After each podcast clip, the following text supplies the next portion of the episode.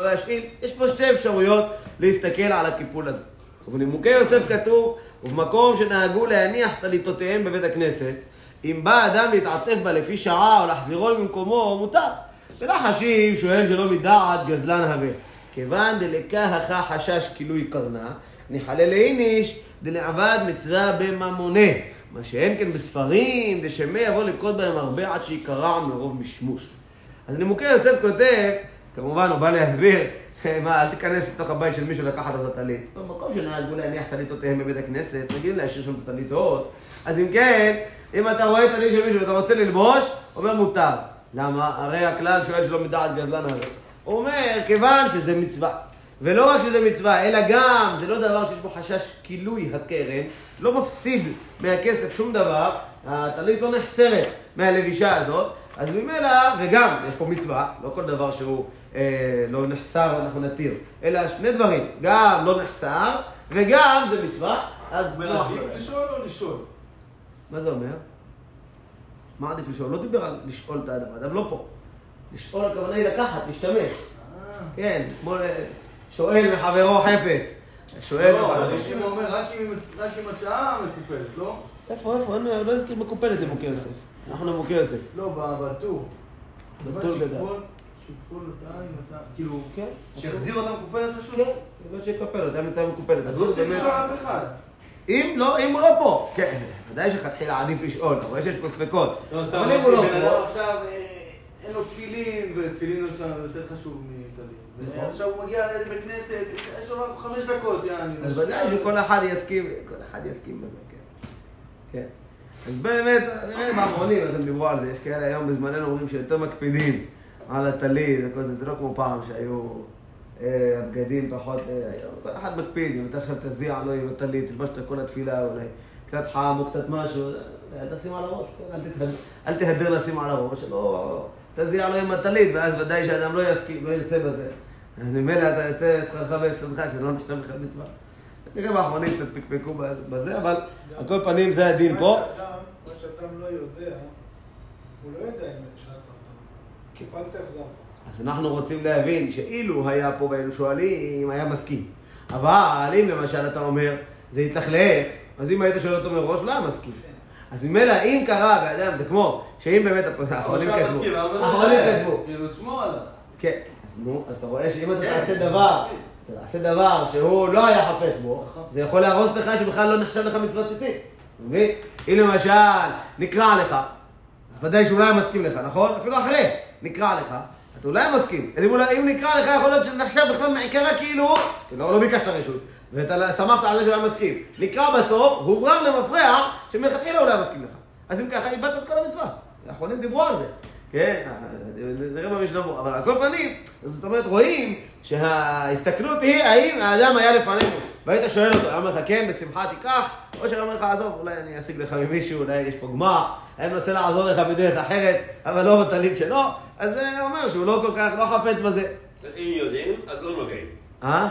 או שהפוך, נוגעים, תלוי מה. אז זה השאלה, האם... אם אתה מכיר את הבן אדם הזה... אז זה, זה השאלה פה. לא, מה אז זה? רגע. אז אין בעיה. לא, אם אתה. יודע, אם אתה יודע שאדם מקפיד והוא לא יסכים, פשוט שאסור לגעת. השאלה שלנו, מה סתם בני אדם? בדיוק. פה אנחנו כרגע רואים בראשונים, רוב הדעות פה, וגם הטור ככה כותב, שסתם מסכימים. ודאי שאם פלוני, אתה יודע שהוא מקפיד על חפציו, שאף אחד לא ייגע לו, אדם כזה שהוא איסטניס, שהוא שומר, ודאי שלא תיגע, אסור לך לגעת, אין ספק.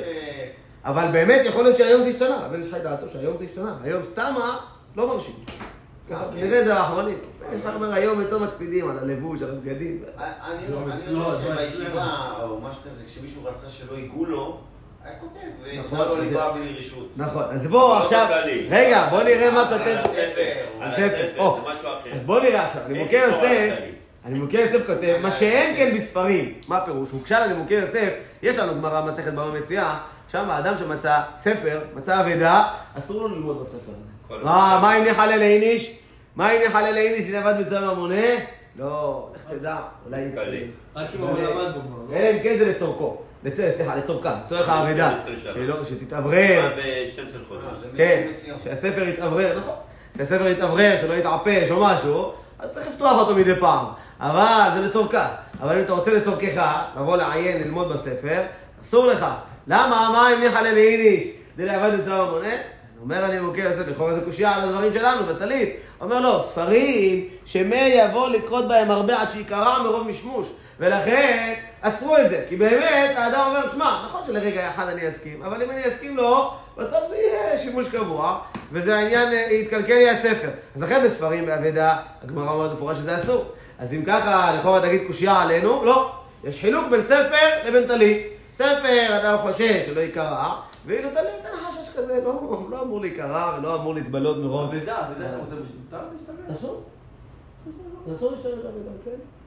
השטחה לצורכה, לצורכו, אדם מצא אה, איזה טלית נאה. אין בעניין הזה לצורך רבים אולי. אה? אם זה לצורך רבים. למה שנציץ? בן אדם רוצה לתת שיעור עכשיו, אני רוצה להשתמש בספר. לרבים.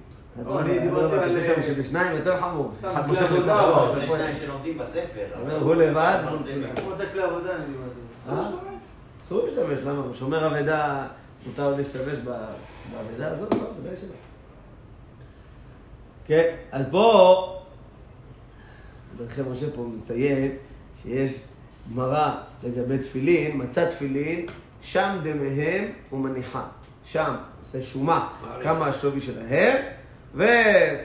וזהו, התפילין הולכים להיות שלו. אחר יבוא בעל הבית, יכול להביא לו את הכסף.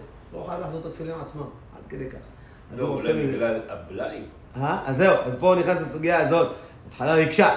הרי לכאורה, בלי, בלי לשלם עליהם, אסור לך להניח אותם. אה, מה אם נחלל לעיניש? זה לא כמו ספר, תפילין זה דומה יותר לטלית. אז אני מוכר ספר חמת זה דחה את הדין הזה של הריטב"א.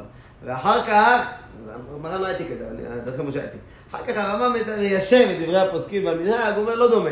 למה בתפילין שם הכוונה היא שהוא יכול אפילו, אם הוא רוצה, זה הכוונה, אם הוא רוצה, יכול אפילו לקנות את התפילין האלה.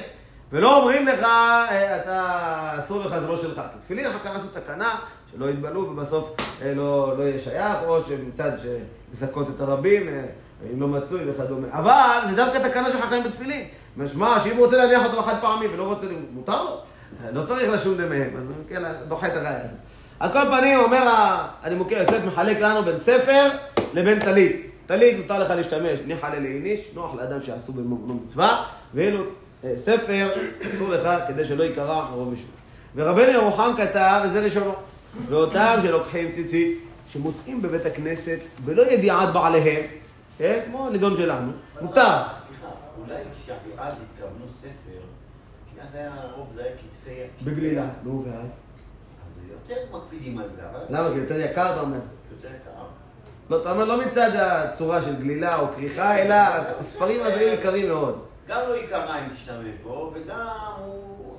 לא, זה לא משהו תכף נראה, אתה אומר את הסברה של ראש הישיבה, ראש הישיבה דעתו כך, שספרים שהם מצויים, סידורים וגמרות, ספרים שהם מצויים היום לאלפים ולרבבות, והם לא עולים הרבה, אומר מותר להשתמש. אלא אם כן אדם כתב מפורש, לא להשתמש, מדבר על בחורי ישיבות או זה, כמה פעמים הזכיר את זה, שאלנו אותו. במפורש מותר להשתמש. כן, טוב, זה מי שכותב מותר להשתמש. הכל בסדר. מי שכותב לא להשתמש, גם כן בסדר. מי שלא כתב, על זה הנידון. מצאת עכשיו איזה גמרא, מותר לך לפתוח, ללמוד בה או לא. אז הוא אומר, אז אז הוא אומר, יש כאלה שבטלית מתירים. כי זה מפורש שזה מותר. בספרים אוסרים. הוא אומר, היום זה הפוך. טלית אדם יותר מקפיד. טלית עולה לך 300-400 שקל, אתה מקפיד עליה, שלא יתחלף, שלא כלום. יש ספר, חופשי, סידור, מה זה, תשתמש, הכל אני טוב. יותר אישית מאשר. כן, נכון, טלית זה בגד, אתה מנתק פה את הבגד, את הגוף שלו, יותר, אה, זה לא כמו בעבר, אז זה עבר, אז מי שנצמד למה שכתוב בהלכה, אומר לך טלית מותר ספר אסור, אומר לא נכון, זה לא עניין של הלכה פסוקה, בלי טעם, זה עניין של סברה. המציאות היום אומר הפוכה, שבטלית יש יותר מקום להחמיר, ובספר יש יותר מקום להקל. כן, אז ככה דעתו שאם זה ספר, אלא אם כן, אומר זה ספר מיוחד או משהו לא מצוי כל כך, זה אומר שאם יקרה באמת זה... הפסד, אדם ירגיש את ההפסד הזה, אבל אה, לא ראה משהו, או שיתקן, לא שיקנה לו אחד ההפסד, לא נורא, הדברים האלה הם, הם מצויים, בישיבות זה מאוד מאוד מצוי, יש לך גמרא, יש כאלה כותבים, אה, מותר להשתמש בתוך 400, זאת אומרת, לא נוח לו שאם אתה תיקח להשתמש, בסוף כל יום יבוא לחפש את הספר שלו. אתה עכשיו לקחת, ואתה רוצה לשבת ליד חלון, ליד מזגן, תיקח את הסרט, תשכח איפה זה היה, או כל יום יבוא לחפש את הספר שלו. אז או יש כאלה כותבים לא להשתמש, או מותר להשתמש בתוך 400. אני זוכר, יש פה רגילים לכתוב, גם היום באברכים, בכוללים, זה מקובל ככה.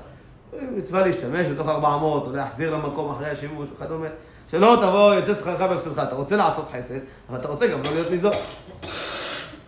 אז רבנו רוחם כתב, וזה לשון אותם שלוקחים ציצית ומוציאים מבית הכנסת ולא ידיעת בעליהם, מותר. דאמרינן, מיכל אלה איניש וקיומי מצווה בין בגופה בין בממונה. ובלבד שיחזירנו שם מקופל כמו שהיה. שאם לא יחזירו מקופל, ודאי לאן יחלה למראה. אם לא תקפל אותו, ודאי שהבעלים שלו לא יהיה נוח לו, לא ישמח בזה. והבן לשואל שלא מדעת, אבי גזלן. ועליה אמר הכתוב, ובוצע ברך מעץ אדומי. בר מינן. אז בוצע, זה גזלן. אדם שהוא בוצע, גוזל ומברך על זה, זה נקרא מברך זה, אומר הפסוק, זה נקרא מן העץ שבשמו, מקלל כביכול. אז לכן, אומר רבנו רחם תיזהר, שאם אתה שאלת טלית שלא מדעת, תעשה את זה בזהירות ראויה, ותקפל, תעשה שהאדם יבוא ויגיד, טוב, בשמחה. אבל אם אתה תגרום, שעל ידי זה שאתה תשתמש, האדם יבוא ויגיד, מה זה, מי נגע לי פה, לא החזיר את זה טוב, לא כלום, קרע מפה, הזיק משם, לא קיפל. אז אם ככה, אתה גזלן. לא רק שלא קיימת מצווה, גם שברכת ברכה לבטלה, וגם עברת על גזל. לכן צריך לזה. וכן נראה מסיים הר"ן שהוא דעת הראש, שכתב פרק כל הבשר ונהגו להתעטף בטליתו של חברו, אפילו בלא ידיעה. אז הנה עכשיו, עד עכשיו ראינו ככה כל מיני דברים לא מאה אחוז חזקים וברורים, אבל הנה הראש אומר, המנהג הפשוט שנוהגים להקל. נהגו להתעטף בטליתו של חברו, אפילו בלא ידיעה. וסמכו על זה, דניח עלי לאיניש למעביד מצווה בממונה. ואם מצווה מקופלת, יחזור ויקפל עקב הראשונה. דילה וכי ניחלה. אם לא יקפל, אז האדם לא יהיה נחל. עד כאן לשון הראש, מסיים מרן, וכן עמד הבא. ככה מנהג העולם גם כן, אומר מרן גם בזמנו, שאדם היו מקילים. זה, הראש הזה זה בפרק כל הבשר. כמו שאתם זוכרים, פרק כל הבשר זה הסיפור שסיפרנו על אותו חכם, רמי ברטמרד, או רמי ברדיקולה, שהוא, היה לו טלית, אה, לא ש... בלי ציציות, ואכל את הכחל וכל זה, זה אותו, זה אותו סיפור. אז שמה הראש כתב על אותה סוגיה, כתב גם את הפרט הזה שנהגו להתעטף בטליתו של חברו. אה? שמפו זה כבר כילוי ממון ואין פה מצווה. אה? אין, לא שייך פה הסברה של ניחא לילה איניש לקיים מצווה, ולא שייך הסברה של חסד, לא לא? מתכלה. כל דבר תגיד. לא, לא משמע ש... לא, אבל אם יש פתק במקווה, החפצים שמשאירים פה, זה דעת הרוחצים. בדרך כלל כתוב עם אדם שהשאיר חפץ עד שבוע ימים או משהו כזה. לא, לא שבוע, רשום, יש גם... אדם שכח, אה, אה, יצא, אחרי דקה זה תורת. הרוחצים. לא, אחרי דקה הוא יזכור, מישהו עכשיו הלך, שכח, הוא יחזור לקחת את הזה. נו, לא, תראה איזה שם קורבן, אדם בא עם שם פה שלם, חצי שלם, למה שלא? מחר בבוקר הוא יבוא לפה שוב, ייקח את זה. דרך העולם, לא ככה. כן. לפעמים אתה יכול לראות שמפו זרוק בפח, עדיין יש בו. אתה אומר נתקעת, אתה יכול לקחת אם הוא זרק אותו בפח, ודאי שהוא התכוון לזרוק אותו, אפילו שנשאר בו משהו נעט, לא אכפת לו ממנו, אז אתה יכול לקחת. זה כן, אם נתקעת בלי שמפו, תחפש שמפו שהוא... הייתי בשבוע שעבר אה, באשדוד, באיזה אולם, כתבו, תראו, כל באי בשער הזה, כל החפצים, על דעת שכל החפצים שנשארים עד חודש ימים, לאחר מכן הכל הפקר.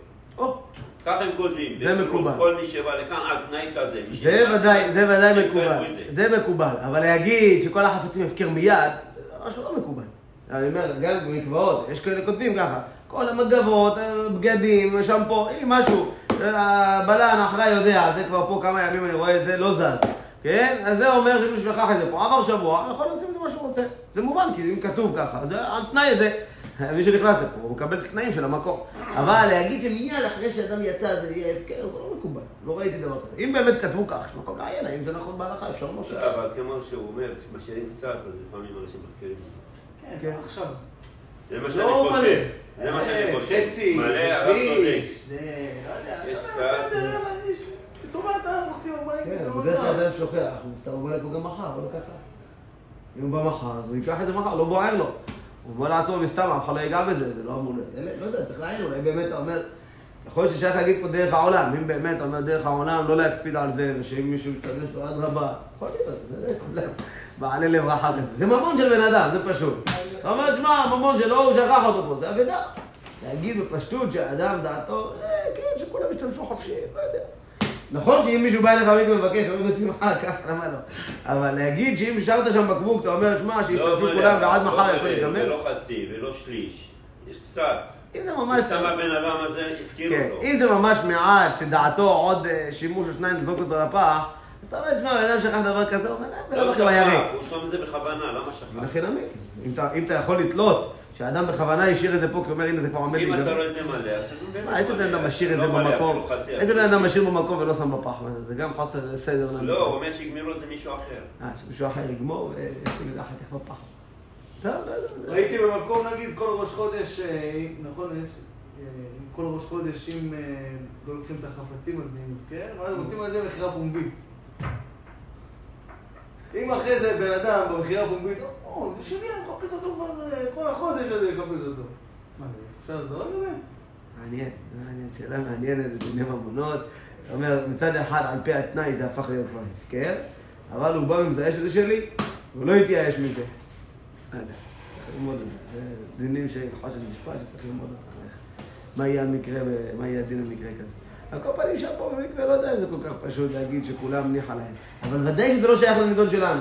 גם לא שייך פה הסברה של מצווה, כן. וגם, אמרנו, מה התנאי של מצווה? שאין כילוי הקרן. זאת אומרת, אין פה הפסד אפילו של אגורה, אלא בסך הכל שימוש ומחזיר. אבל שם פה זה לא דומה, שם פה כל שימוש זה שווה כסף, לא יודע, חצי שקל, שקל, מה? גאולה, בדפנות של סוכה, לא יודע. מצווה, תפילין, ציצית, דברים שאתה משתמש ומחזיר בלי שקרה להם הפסד. כן, אתה רואה לולב נניח, ואתה רוצה ליטול אותו ולהניח במקום בחזרה, בלי יותר מזה-. אתה נתקעת, אתה רואה פה מונח ארבעת המינים, אתה אומר, שמע, אני לא ביום הראשון שזה מעכב, בשאר הימים שאפשר לצאת בשאול, אז אתה אומר, שמע, אני מרים אותם, מברך, מניח וזהו. לכן אני אפשר להגיד נחלל לאיניש, כמו בתפילין, כמו בטלית. אבל במקרה כזה לא- לא לא רואה את הדמיון, זה לא דומה. לא דומה.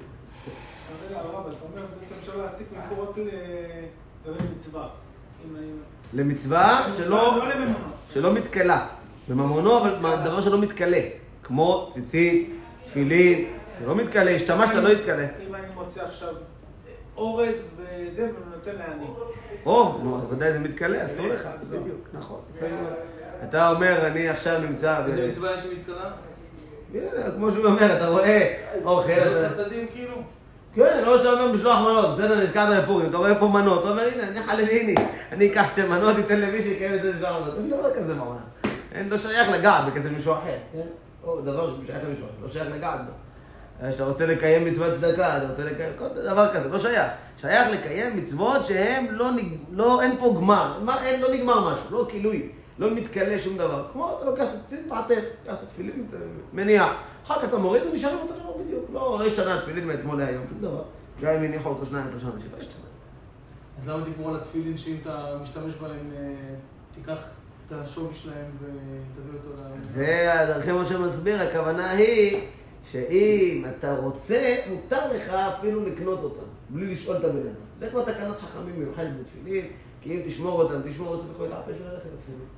תפילין, אם אתה לא מניח אותם עוד יום ועוד יום, זמן מסוים. אה, שתפילין אבודות, כאילו. כן, עדיין פה אדם מצא אבדה. אז התירו לך חכמים לשום כמה הכסף שלהם, כמה שלהם, אלפיים שקל, אתה שם אלפיים שקל בצד. יבוא בן אדם, אה, מי מצא את התפילין שלי? ייתן סימנים, אתה יודע שזה הוא, אתה נותן אלפיים שקל. אבל אני רוצה את התפילין האלה. הלכה היא שאני יכול למכור אותם ולשמור את הכסף שלהם.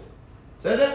אז זה הדין בתפילין. יש דברים כאלה, גם חכמים אמרו הרבה דברים בדיני אבדה, אם זה דברים שלא עושה, אוכל יותר ממה שהוא עושה, כל מיני תרנגולים, דברים, יש דברים שהוא אוכל יותר ממה שהוא עושה, אז לא שווה לבן אדם שתיתן לו את ה... שתשמור לו על האבדה, הוא מעדיף שתמכור ותשמור את הכסף, את השווי. רבי חנן בן דוסה עשה חסידות, תרנגולים, עד שביום עזים ועד ש... אה? כן, אדם, רבי חנן מצא תרנגולים, שמר עליהם, יום אחד, לאט לאט, עד שהם גדלו, ואז כבר זה נהיה רעש גדול, אז נהיה לו לול תרנגולים, אז הוא מכר אותם, וקנה בהם עזים, וככה היה מגדל, ולא משתמש בכסף, כל מה שהוא משתמש, ומוכר את החלב, וזה, הכל זה לצורך העזים. יום אחד, אחרי כמה שנים, בן אדם עובר שם, פעם, הבנתי פה פעם איזה זוג תרנגולים, שהיו פה, בוא, לקח אותו, הראה לו דיר של עזים, כל זה שלך. כן, אז זה רבי חיינה בן דוסה, מאיפה היה לו בכלל עזים? הרב מספר לתענית, שאנשים, אנשי הכפר התלוננו על רבי בן דוסה, העזים שלך מזיקות לנו, אוכלות לנו איזה, מהעשב, מהדברים. מה פתאום, העזים שלי לא מזיקות. אם הם אה, כדבריכם, יהיה להם משהו. ואם הם באמת צדיקים, העזים שלי לא מזיקות, אז יביאו כל אחת דוב בקרניים שלה. הלכו ליער העזים, חזרו, כל אחת הביאה דוב בקרניים שלה. העזים שלו, אין להם מה לפחד, לא מדובים ולא שום דבר. אז מה שואלת, מאיפה היה לו עוד דובי עזים בכלל? מה אני מרוד, איפה העזים? זה ממציאת אבדה. מטפל בהם ומשתמש, שנים הוא מטפל בהם, ולא, שקל אחד הוא לא מרוויח מהם. זה לא שלו, של השבת אבידה. זה חסידות. בן הדין היה יכול למכור תרנגולים ולשמור את הכסף.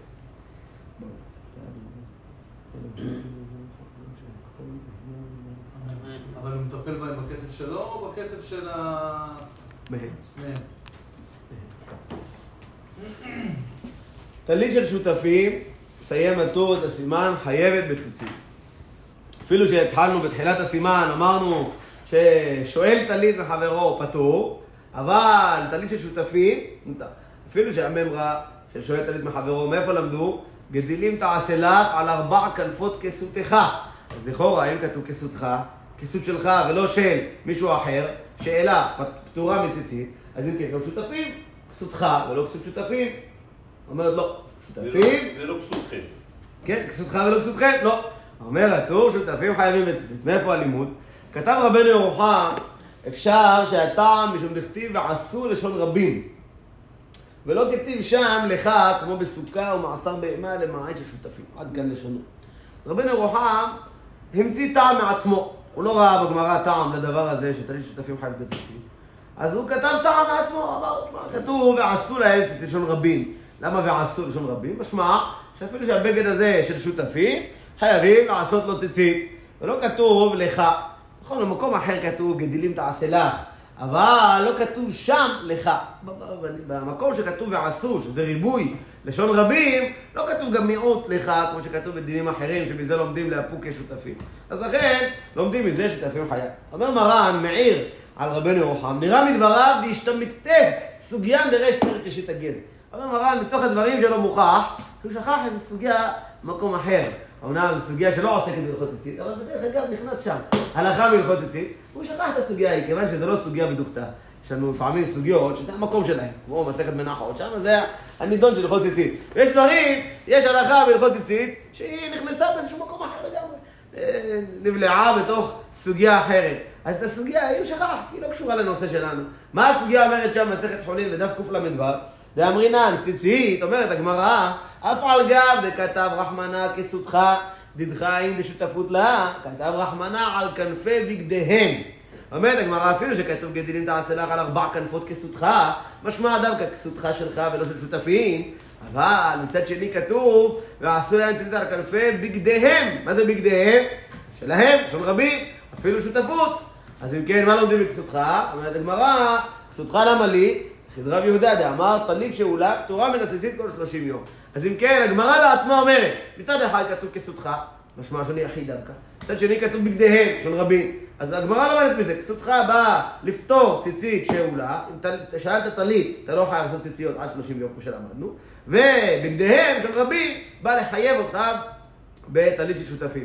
אז רבנו רחב שכתב טעם מעצמו, במילה ועשו, טעם יפה, אבל שכח סוגיה מפורשת, מסכת חולין, אין בזה הקפדה, סוף סוף הוא לא טעה בדין, הוא רק הביא איזה טעם אחר מעצמו, אבל מעיר עליו מרן את ההערה הזאת, שבגמרא מפורש שהמילה כסותך באה לפתור ציצית לטלית שאולה, והמילה בגדיהם באה לחייב טלית של שותפים.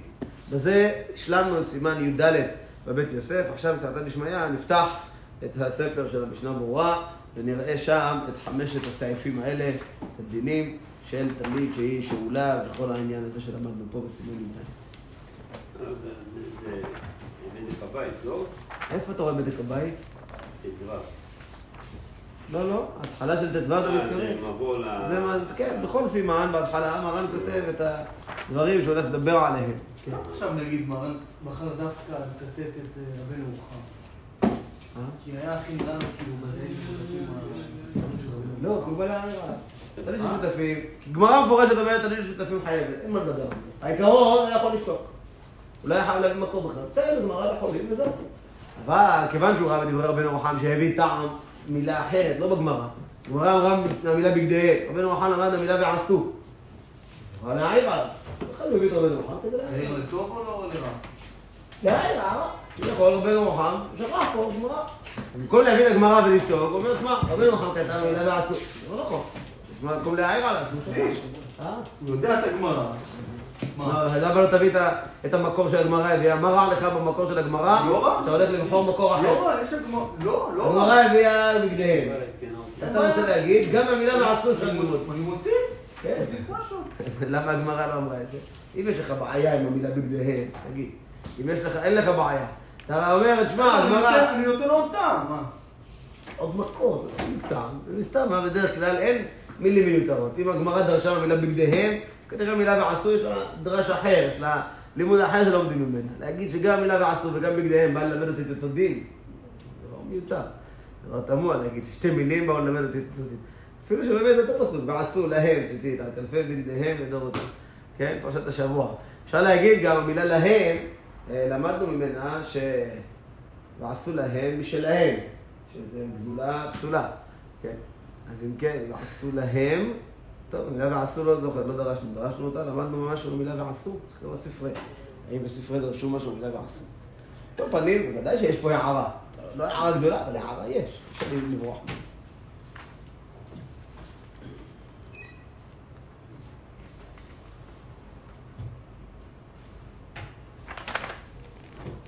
מה שהוא כותב פשוט.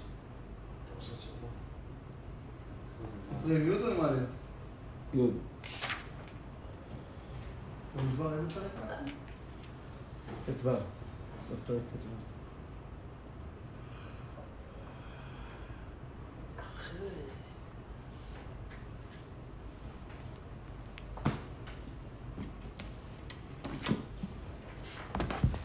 אז אנחנו עכשיו בסגנון י"ד. אה, מצאת משהו ספרי? מה, מצאת? זה רק את זה, רק רק את זה. ספרה במדבר. ט"ו. מה זה במדבר? פסוק, זה? כן, נו, איזה פסוק? איזה- איזה- לפני? פסוק האחרון. לא, זה הפסוק המאה שלו. אה, לא, זה צריך להיות. זה יום ראשון שלנו, דבר עם בני ישראל, עושה להם שכר. הציונות הזה אז זה זה לא.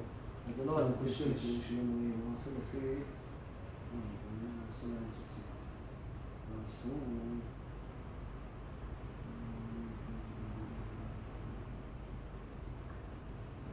אה, עושה להם שכר. ועשו... כן, יש פה, צריך לראות מאיפה בדיוק המילה עשו. מעבר לזה יש אומר אני אעשה חוט. לא, חוט אחד, אני לא ציצית מדייק. למה פה עשו להם בשביל, לא את. לא, לא,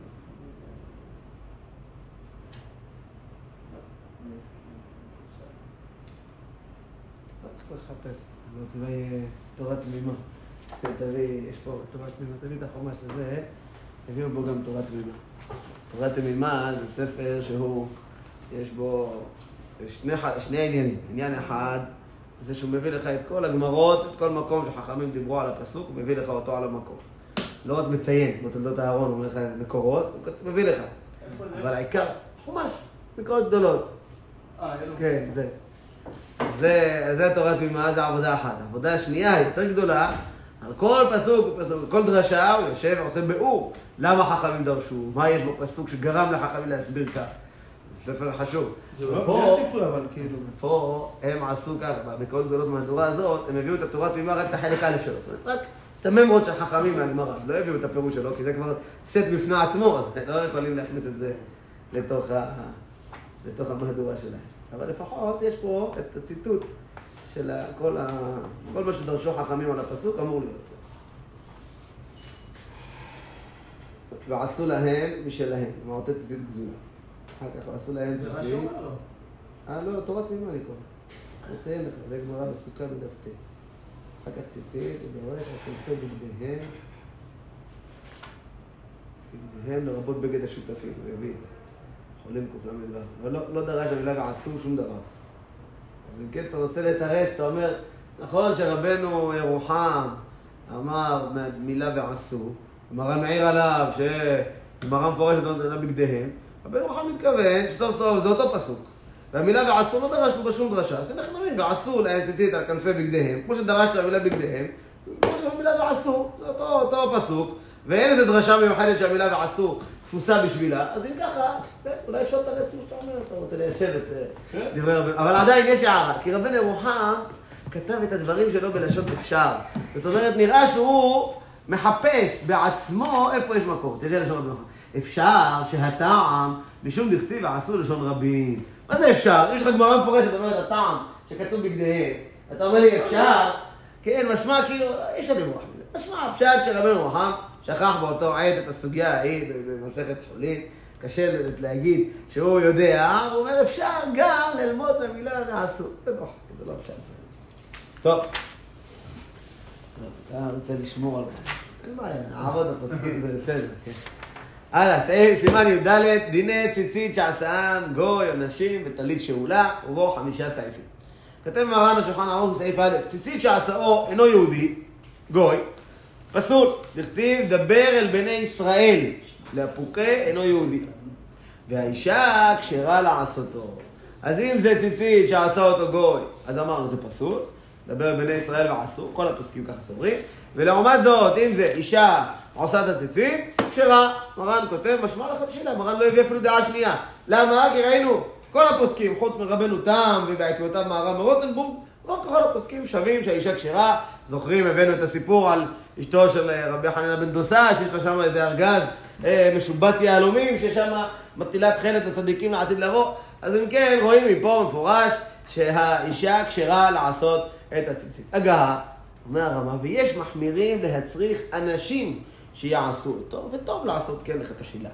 זאת אומרת, נכון שעיקר הדין, כמו מרן, שאישה כשרה לקשור את הציציות, אבל יש מחמירים. מי זה אמרנו? זה רבנו תם ומרן מרוטנבורג, אז לכן טוב לעשות כן לכתחילה, שיהיה אה, אנשים, אפילו לדידה שאנחנו הולכים אחרי מרן השולחן הערוך, ודאי שעדיף לצאת את כל הדעות, אה, כדי שיעשה, אה, שיעשה את זה איש והכל יהיה טוב, עדיף.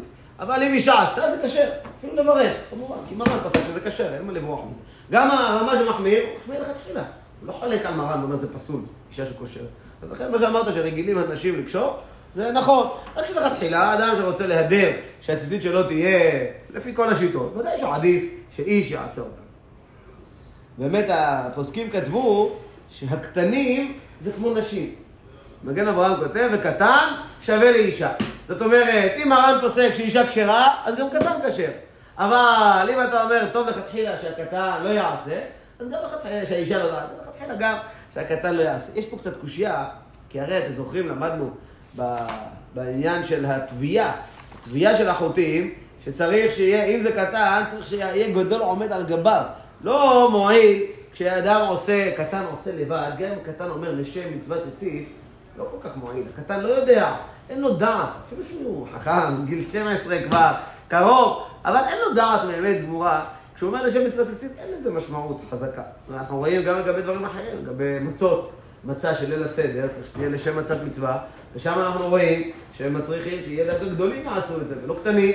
אתה רואה שדבר שצריך שיהיה לשם מצווה, לא כל כך מועיל לנו פה בקטנים. אז לכן זה תמוה קצת, איך יכול להיות שאתה אומר שעיקר הדין קטן יכול לעשות. אז לכן המשנה ברורה מסביר שאפילו מי שמתיר בקטן, לא יודע לכתחילה או דיעבד, לא משנה, זה בתנאי שגדול אמר לו שיעשה אה, לשם מצוות ציצית, ואז הוא ממשיך את ההוראה של הגדול.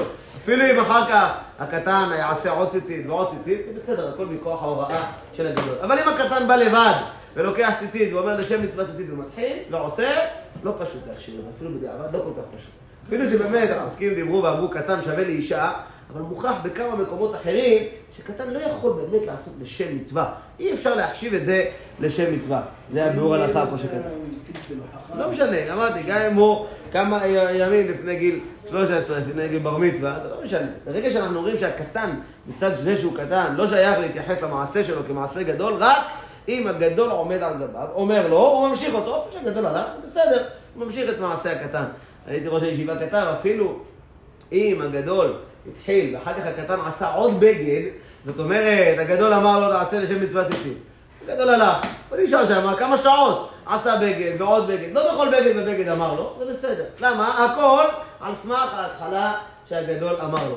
כן, זה לא לכתחילה לגמרי, אבל אפשר לסמוך על זה אה, למעשה. זה המשנה ברורה בסעיף קטן ד', אתם רואים כותב, וכן ראוי ונכון שלא לעשות לכתחילה הטלת הציצית בבגד של גדול על ידי קטן פחות מגיל בר מצווה.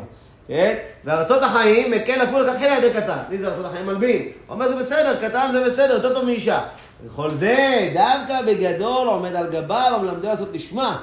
אבל בלאו הכי, אפילו אם כבר הטילם הקטן בבגד, צריך להתירם ולחזור וליתנם. זאת אומרת, העניין הזה של הקטן, כל המחלוקת, האם קטן זה לכתחילה או קטן זה דיעבד, זה דווקא אם גדול עמד על גביו בהתחלה. אבל אם גדול לא עמד על גביו בכלל והקטן התחיל מעצמו, פה אומר המשנה ברורה, אפילו בדיעבד לא יתפוס. כיוון שאנחנו צריכים שיהיה גדול עומד על גביו, בלי זה לא מועיל. האמת, יש חולקים על המשנה ברורה הזה, זה לא חלק, הבן איש חי כותב שאם אה, קטן עשה, אפשר בדיעבד, מלכתחילה קטן לא יעשה, בדיעבד אפילו אם גדול לא עמד על גביו בכלל, מתיר. למה? כמו שאמרתי, ברגע שהמגן אברהם והפוסקים היותר קדומים כתבו שמה שמרן דיבר על אישה, בדיוק אותו דין קטן. אז איך אתה יכול לבוא ולהגיד שבאישה לא מדובר שעומד על גבי הגדול? ובאי, בקטן, כן מדובר. זה חילוק חדש, זה לא פשט. אז לכן, אפילו שהחילוק של משנה ברורה הוא נראה נכון מצד עצמו, האחרונים קצת דחו אותו, תרצו את הקושיות שלו, ולכן גם בן איש חי וגם מרן עובדיה כתבו שאם בדיעבד קטן עשה, זה כשר. לא מלכתחילה, אבל זה כשר. כשר, אפשר אפילו לכאורה לברך על זה, כיוון שכך עיקר הדין. יש פה עוד נקודה במשנה ברורה בסעיף קטן א', איפה גרם את התוספת? סעיף קטן ד', כן. משנה ברורה כותב סעיף קטן א', ציציף שעשאו גוי, פירוש שהטילו בבגד. דאילו אם טבעם גוי או שזרם באופן זה קשור להראש. זוכרים, אומר, בעצם רואים חילוק בגוי בין העשייה של החוטים לבין הקשירות בבגד. העשייה של החוטים, ראינו מחלוקת הרמב"ם והראש, לפי הרמב"ם כשר, פסול, לפי הראש כשר. אבל ב... בעניין של הקשירות, פה אין דעה שזה כשר בגוי. הגמרא אמרה מפורש, דבר אל בני ישראל ועשו. ברגע שהגמרא הזכירה שחייב שיהיה יהודי, זה לא מועיל משהו. אומר המשנה ברורה, ודווקא אם תחבו בכנף או עשה החוליה או הקשר הראשון, אבל אם החוליה והקשר הראשון עשה ישראל, והגוי גמר שאר החוליות והקשרים, כשר. פה מציע לנו פטנט.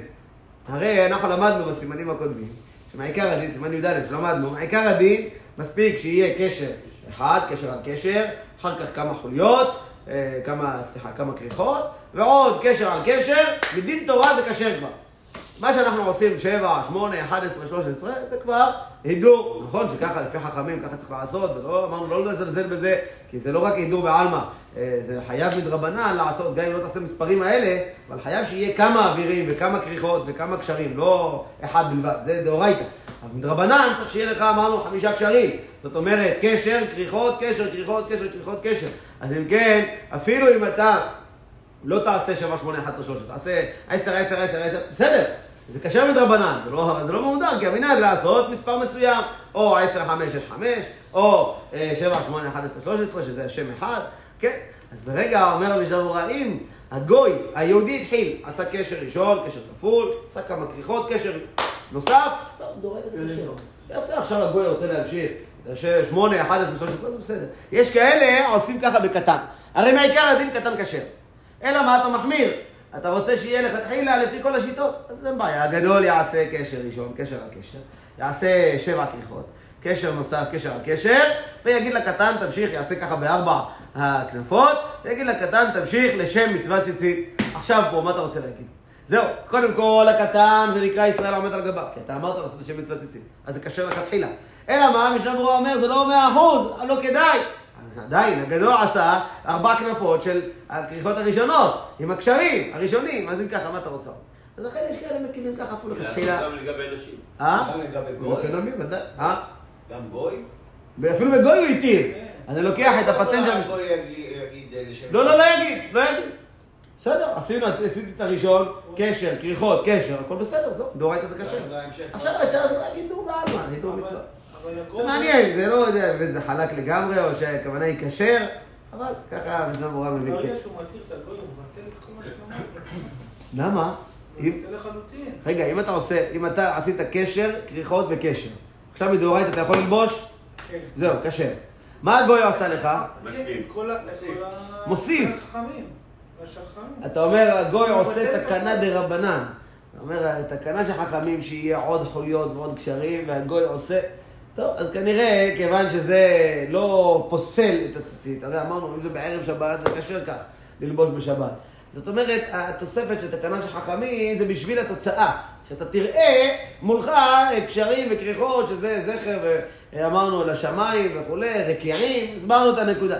אז ברגע שאין עניין בעצם הקשירות האלה, כי עשית כבר את הקשירות שקשרות מדאורייתא, אלא מה העניין שתראה את התוצאה הסופית, שיהיה לך מספר, 7, 8, 11, 13. יש מקום קצת לעיין בזה באמת, איך, אה, איך, אה, אה, לא דיבר פה רק על המספרים, דיבר פה באמת, כמו שאתה אומר, על כל החוליות והקשרים הבאים, אז יש פה תקנה מדרבנן שהגוי עושה אותה. טוב, הלאה, בואו נמשיך, סעיף ב'. הטיל ישראל ציציות בבגד בלא כוונה. אם אין ציציות אחרים מצויים להכשירו, יש לסמוך על הרמב"ם שמכשיר, אבל לא יברך עליו. זה אתם זוכרים בבית יוסף, ראינו מחלוקת הרמב"ם והראש. האם צריך שהיהודי שקושר יגיד לשם מצוות ציצית, כוונה. או שלא צריך כוונה. הרמב"ם, מה הראייה שלו? אומר, אם הגמרא אמרה לך שגוי פסול, ובאמת, אפילו יהודי שבלי כוונה פסול, אז למה הגמרא אמרה גוי? אפילו יהודי בלי כוונה פסול. גוי זה ודאי נקרא בלי כוונה. גוי לא יכול לכוון. גם אם תגיד לו, זה לא נקרא, אמר. אז אם יהודי בלי כוונה פסול, אז כל שכן גוי. למה הגמרא אמרה גוי? מזה מוכיח הרמב"ם, אם הגמרא אמרה גוי פסול, זה אומר שישראל בלי כוונה כשר. ולכן מרן אמר שהראייה הזאת היא חזקה. מרן יותר נראה לו לפסוק מהרמב"ם. אבל מצד שני, כמה וכמה פוסקים אחרים, הראש ורש"י ועוד פוסקים, אמרו לא, צריך שיהיה כוונה לשם מצווה, כמו שראינו בתביעה, בהכנה של החוטים, שצריך שיהיה כוונה לשם מצווה ציצית. אז אם בתביעה, גם בקשירות, אז כיוון שיש בזה מחלוקת, מרן תופס העיקר הדין כמו הרמב"ם. אבל סוף סוף זה לא פשוט, יש הרבה פוסקים חולקים. אז מה, מה מנ- מנסח את ההלכה הזאת? אומר, אם ישראל הטיל את הציציות בבגד בלי כוונה, ואין ציציות אחרים מצויים, אין לך עכשיו זמן ללבוש משהו אחר, ערב שבת, אחרי זמנה, פתאום בשבת אתה נזכר, החלטתי לומר לשם מצוות ציצית. מה עושים? אם יש לך בגד אחר, אל תלבש את זה. אם אין לך משהו אחר, יש לסמוך על הרמב"ם של מכשיר, אבל לא יברך עליו. כיוון שסוף סוף יש פה מחלוקת גדולה, זה מעניין מתי מרן פוסק שכן יברך, מתי מרן פוסק שלא יברך, זה לא כל כך פשוט. הנקודה הזאת, שכשיש מחלוקת במצווה ולא בברכה, וזה ויכוח גדול. אנחנו יודעים ספק ברכות להקל. השאלה היא, כשהמחלוקת היא לא בברכה, המחלוקת היא במצווה בכלל. האם המצווה באופן כזה כשר, או המצווה באופן הזה לא כשר, פסול. אז פה יש אומרים, ברגע שהמחלוקת היא לא על הברכה, המחלוקת היא על גוף המצווה בכלל, יש אומרים, הברכה נגררת בעקבות המצווה. אם אתה פוסק עיקר הדין שהמצווה הזאת כשרה, אפשר גם לברך. לא אומרים ספק ברכות להקל. ויש אומרים לא, הכלל הזה לא נכון. אלא אפילו בספק במצווה, צריך, אם זה לעניין ברכות, החושש. ספק ברכות להקל. הכלל הזה, זה, הוא לא חלק. יש מקומות שרואים כך, יש מקומות שרואים כך, יש בזה הרבה עומק. מתי נאמר שהולכים אחרי המצווה והברכה נגררת? מתי אתה אומר שהברכה היא לא נגררת וצריך שגם בברכה יהיה דין של ספק ברכות להקל. פה אנחנו רואים למשל שמרן פוסק כמו הרמב"ם, אבל אומר לא יברך במקרה כזה, אם אין לך משהו אחר. משמע כאילו הוא חושש בברכה, אפילו שבמצווה הוא מתיר. איך מתיר? ללבוש בגד בלי ציציות, לפי השיטה הזאת, בגד בלי ציציות, איך יכול להיות? אז לכן זה דבר שהוא, כמו שאמרתי, שייך לנושא הזה. עכשיו, אם הוא רק חשב, חשב לשם מצוות ציצית ולא אמר בפה, מה יהיה הדין במקרה הזה? אז פה המשנה ברורה באור הלכה, ודיבור מתחיל בלא כוונה כותב, נראה לי שיוכל לברך עליו. למה? כיוון שפה אפשר להגיד ספק ספקה. ספק שמא מועיל במחשבה. ספק נוסף, שמא בכלל לא צריך לשמה, כמו דעת הרמב"ם. לגבי תביעה, ובכל הדעות צריך שיהיה לשם מצוות ציצית. אז אם רק חשבת, יש לך ספק אחד, לא נחשב. אבל לגבי קשירות, אם חשבת לשם מצוות ציצית ולא אמרת בפה, יש פה שתי ספקות. ספק שמא בכלל לא צריך שיהיה לשם מצוות ציצית, כמו הרמב"ם, שלא מצריך לשם מצוות. אם אתה אומר הלכה כמו הראש, שמא המחשבה מועילה. אז לכן בפרט שאפשר לצרף לזה, שכשאדם קושר ציציות, מה המחשבה שלך? מה המטרה שאתה עושה את זה? מה המעשה שלך? ודאי לשם מצווה. מי קושר ציציות לנוי? זה לא ודאי לא המטרה שלך. זה לא כמו תביעה של חוטים, ששם בוודאי, טובים חוטים לתפירות, לבגד. אז לכן, שם אם לא כיוונת זה הרבה יותר חמור. פה, גם אם לא כיוונת כלום, מעשה שלך מוכיח שאתה עושה מצווה עכשיו. זה נקרא מחשבתו מוכחת מתוך מעשיו. יש דברים שאפשר מתוך המעשה להוכיח מה המחשבה שלך. אפילו לא חשבת בכלל לשם מצווה. מה אתה עושה עכשיו? קושר ציצית. מישהו קושר ציצית לא לשם מצווה. נכון שאפשר להגיד מקרה שאדם למשל בשיעור בא ללמד את חבר שלו איך לקשור. אז הוא עכשיו לוקח איזה ציציות, מתחיל לקשור ולקשור ולקשור. גמר, פתאום אומר, אה, הנה, כנף אחד כבר מוכן. רגע, קשרת את זה בשביל מה? לא, לא התכוונת בכלל לשם מצוות ציצית, לא בפה, לא במחשבה, וגם אי אפשר להגיד מחשבתו מוכחת מתוך מעשיו, כי התכוונת רק ללמד את החבר. במקרה כזה לא פשוט להגיד אפילו בדיעבד שיהיה קשה. אבל אם הוא חשב שיהיה לשם מצוות ציצית, אפשר להקל, אפילו לברך על ציצית כזאת, ככה גם פוסק מרן הרב עובדיה בהלכות עולם, שצלית כזאת, שאדם חשב, לשם מצוות צלית במחשבה, אפשר להקל. יש דברים אחרים שלא נתנו מחשבה. אם זה מצות מצווה, יש בזה גם כן ויכוח. מחשבה, אדם חושב לשם מצת מצווה, ולא אמר בפה. אם זה יועיל או לא, יש בזה נידון גדול. פה צירפנו ספק ספקה של הרמב"ם והראש בעניין, כמו שהסברנו. ברוך ה' לעולם, אמן ואמן, שברך אבותינו כמשל ברוך הוא. יראה, וישמור, וצריך לעשות השם הטוב, שרון ומקיס ומשפחתו, אליהו יחזקאל ומשפחתו, רזיאל חור ומשפחתו.